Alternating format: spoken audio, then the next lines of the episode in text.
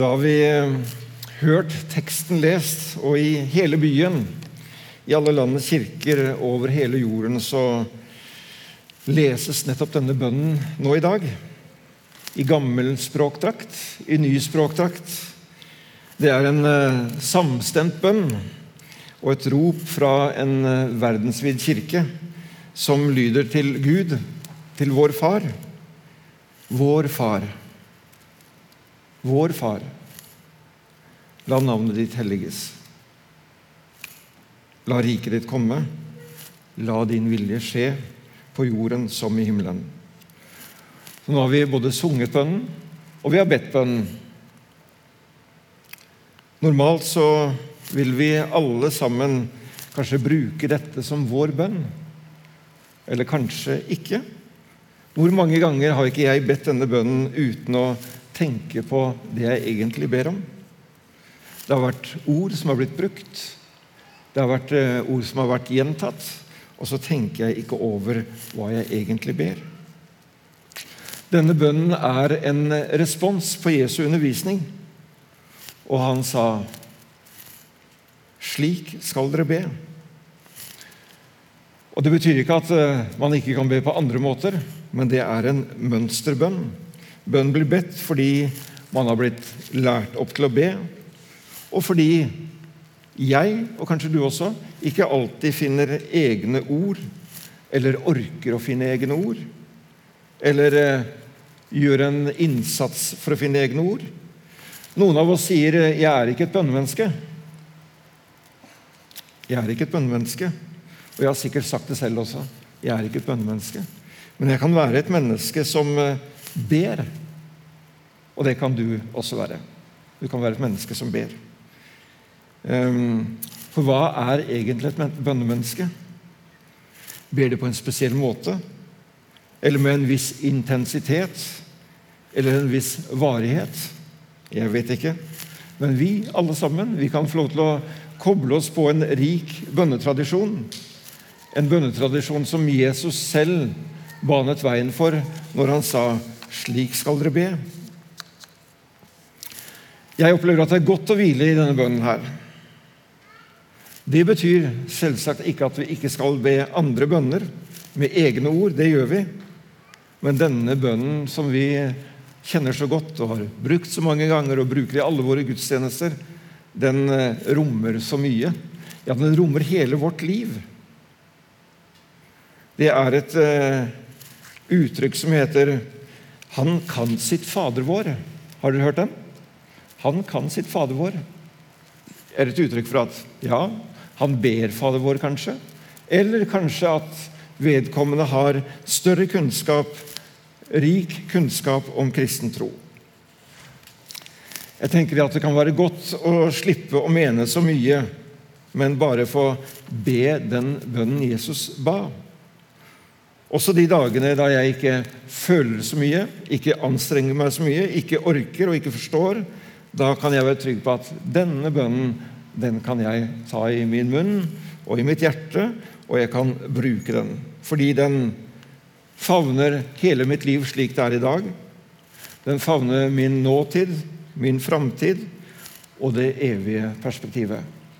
Kanskje du er i en situasjon hvor du ikke kjenner framtiden. Hvor du ikke vet hva som ligger foran deg. Det kan være mange ting. Det kan være sykdom, det kan være arbeidssituasjon, studiesituasjon så kan vi få lov til å be denne bønnen, og du kan vite at ditt liv ligger i Guds hender. Så har vi kanskje også ulikt forhold til denne bønnen. Og Målet for denne prekenen er jo at du skal få større lyst og glede ved å bruke bønnen, som heter Vår Far, eller Fader vår, som vi sa før. Eh, at du skal få lyst til å bruke denne bønnen som litt mer av din bønn. Kjenne glede ved å be den, at det blir mer enn ord. Kanskje du vil gjøre disse bevegelsene. Kanskje du vil eh, knele ned. Kanskje du vil hvile mer i bønnen og alle de løftene som denne bønnen har med seg. Mitt mål er i hvert fall ikke å problematisere, men å løfte fram bønnen eh, og Bibelen som en mulighet for deg og meg. Denne bønnen utfordrer meg også til å lese denne og andre tekster om bønn. Og rett i forkant av denne bønnen som vi skal konsentrere oss om nå, så står det For dere har en far som vet hva dere trenger, før dere ber ham om det. Og Det reiser for meg i hvert fall klart ett spørsmål. Hvorfor skal jeg da be? Hvorfor skal jeg be? Når jeg har en far som vet hva jeg trenger. Hvorfor ber vi da?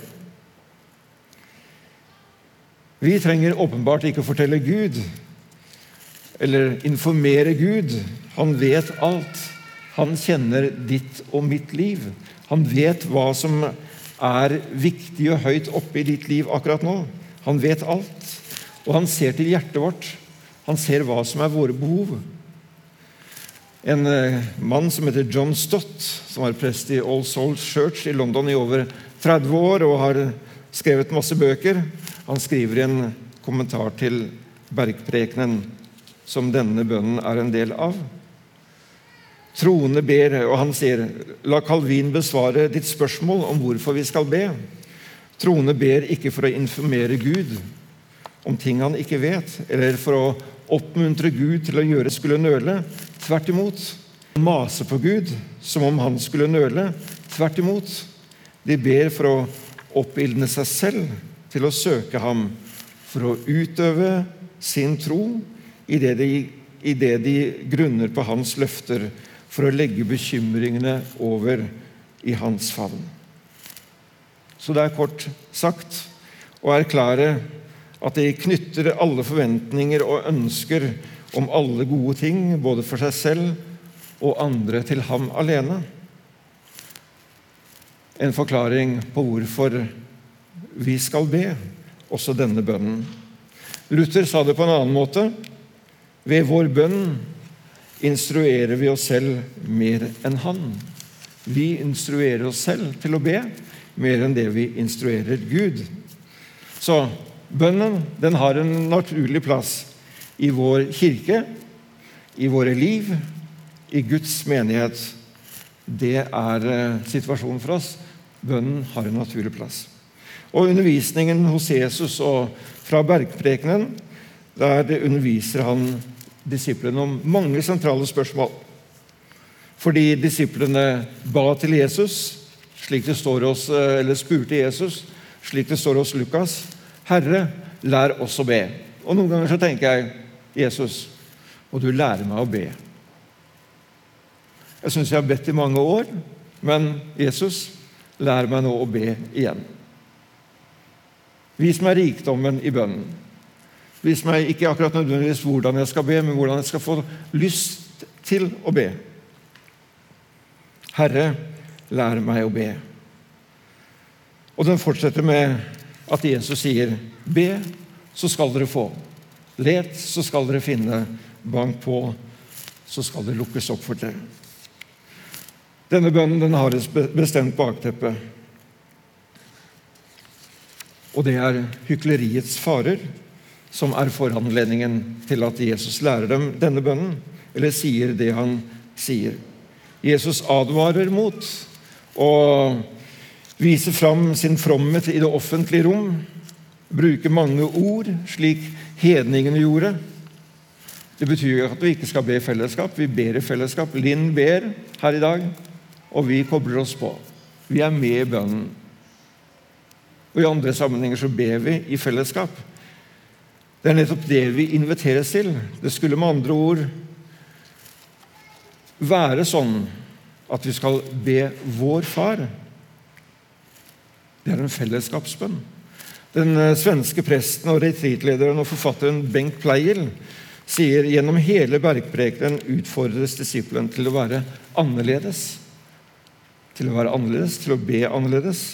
Dere har hørt deg sagt, men jeg sier dere. Bengt Pleiel, som for øvrig han var prest på Å stiftsgård i mange år, dit hvor vi skal reise på menighetstur. Han har skrevet flere bøker, og jeg fikk treffe han på en oasesamling i Oslo for veldig mange år siden. Han sier dette Gjennom hele bergprekenen utfordres disiplene til å være annerledes være et annerledes folk. Og Det er noe av det møtet med Jesus Å være i fellesskap med Han dette også handler om. Det utfordrer oss til å ha et annet fokus, andre verdier, enn det som ofte råder, nemlig fokuset på oss selv. Det var ikke om dere ber, Jesus sa, men når dere ber. Slik vi leser i tekstens både femte vers, sjette vers og sjuende vers, eller avsnittet før teksten. Jesus og disiplene vokste opp med en veldig rik bønnetradisjon. Det var eh, faste bønnetider. Vi leser om bønnens time. Også for vår del kan det være godt å ha gode rutiner for å være i bønn, eller for å sette av tid til bønn. Og nettopp Vår Far det er en fellesbønn. Vi sier 'vår far'. Vi sier ikke 'min far'. Vi sier 'vår'. Sammen løfter vi vår røst til Gud. Det er en bønn for fellesskapet. For det lille fellesskapet, for det store fellesskapet og for det universelle fellesskapet.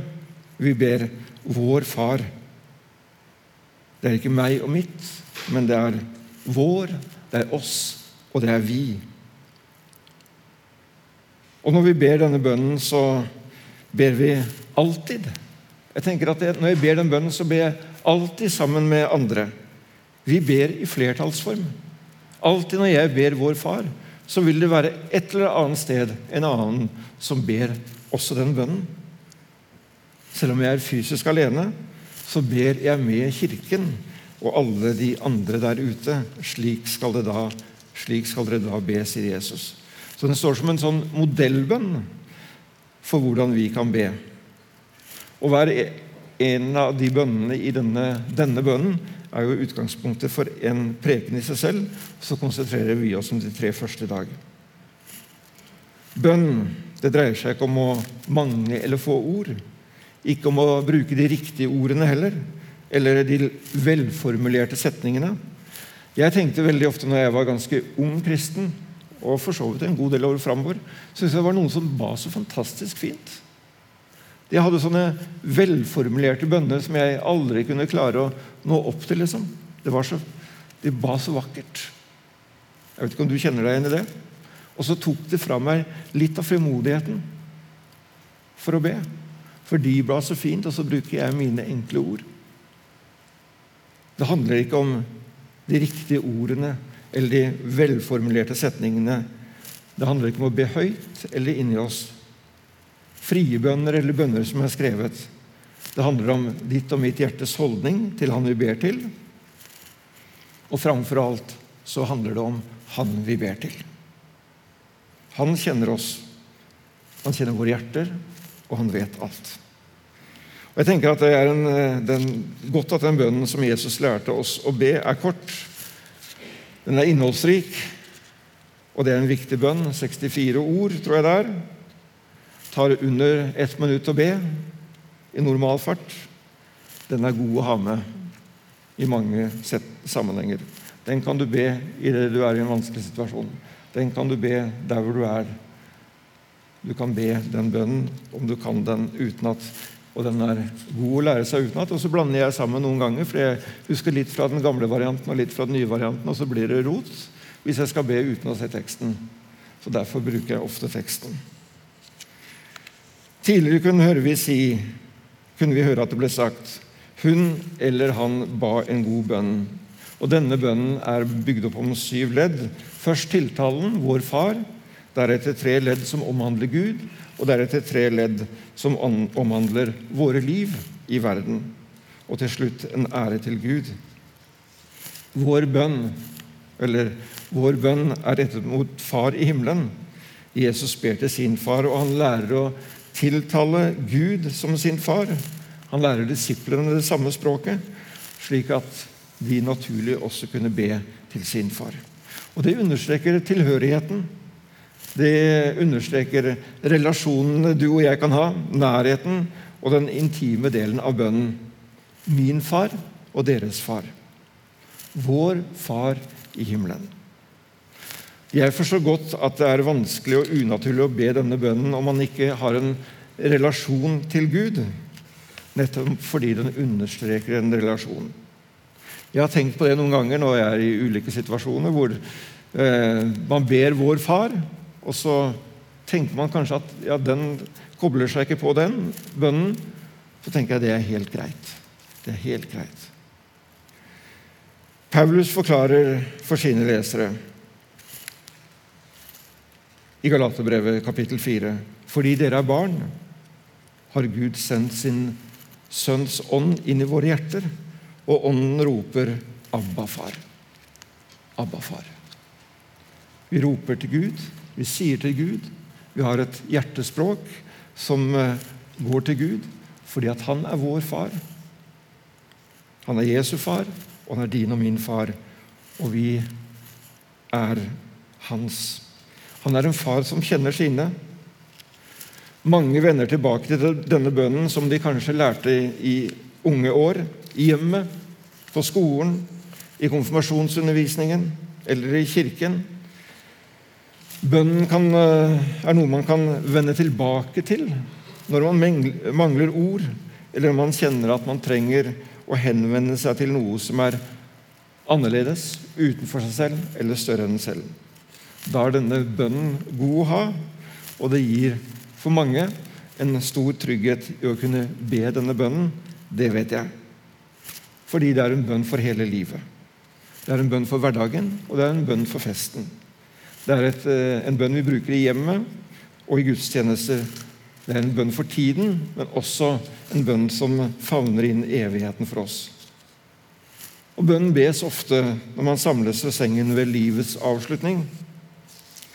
For noen år siden så ble jeg spurt om jeg kunne besøke en eldre mann på sykehjemmet her på Abelsø. Besøket var avklart, og det var ønsket. Jeg hadde ikke møtt denne mannen før. Han tilhørte ikke noen kirke, men jeg fikk vite at han var oppvokst med troen i hjemmet. Han snakket ikke så veldig mye om troen. Så kom jeg på besøk, presenterte meg. Eh, ja, vi snakket helt vanlig sammen om jeg til slutt så, om jeg kunne få lov til å be for han, og det ville han. Og Jeg spurte om jeg skulle få lese Fader vår, og det ville han. Og Det var en bønn som han tydelig kjente godt igjen for sin egen del, og han ønsket å be og bruke den bønnen. Det var den siste antageligvis bønnen han fikk be. For mange så er det en trygghet ved livets avslutning. Det gir tilhørighet. Det er et uttrykk for noe man kan bygge livet på og evigheten på. I vinter, da min eh, søster Marit levde sine siste timer, ble jeg spurt om jeg kunne ha en andakt på rommet inne hos henne. Jeg leste fra Salme 23. Jeg ledet oss i Vår Far, eller Fader vår, som det ble sagt, og jeg lyste velsignelsen. Det var ikke så mye mine ord. Alt hentet fra Bibelen. I vår tradisjon kjennes det som en stor trygghet. Det er et uttrykk for tilhørighet til vår himmelske Far. På fredag så hadde vi urnenedsettelse for min søster. da. Ved graven så ble igjen Vår Far lest, ledet av presten. Vår Far, den rommer våre liv. Den rommer ditt liv, og den rommer hele den verdensvide kirke sitt liv. Nå, i dag, her, ber vi som fellesskap til vår himmelske Far. Når det står i himmelen, så er det et uttrykk for at ja, Gud, han er opphøyd. Han er guddommelig. Han er helt annerledes enn alle jordiske fedre. Himmelen er den jødiske betegnelse på Guds bolig, der Gud er, der han bor, og samtidig så er han hos oss.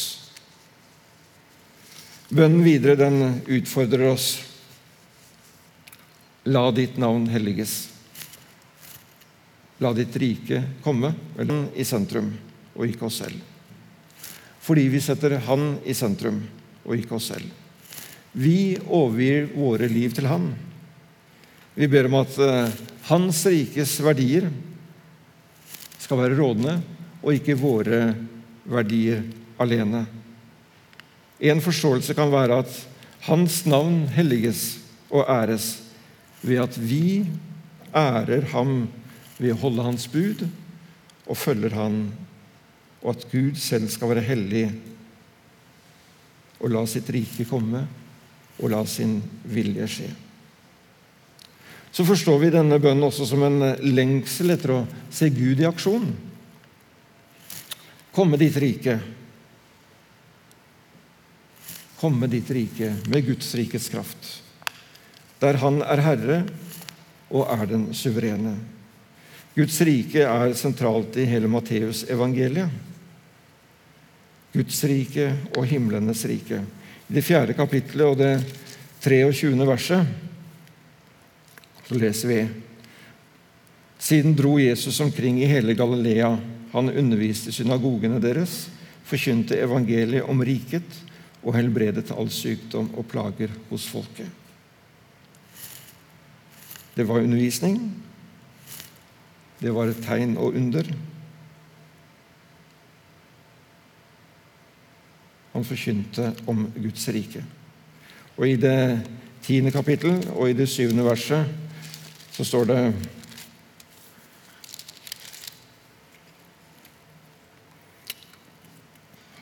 Jesus sender ut apostlene. Gå og forkynn. Himmelriket er kommet nær. Helbred de syke, vekk opp de døde, gjør spedalsk rene og driv ut onde ånder. Guds rike, himmelriket, er kommet nær, og vi skal få lov til å leve i det vi har fått en forsmak av, og vi skal få lov til å se fram imot det fullkomne. Så når du ber Vår Far, så ber du en kraftfull bønn, slik Jesus underviser oss.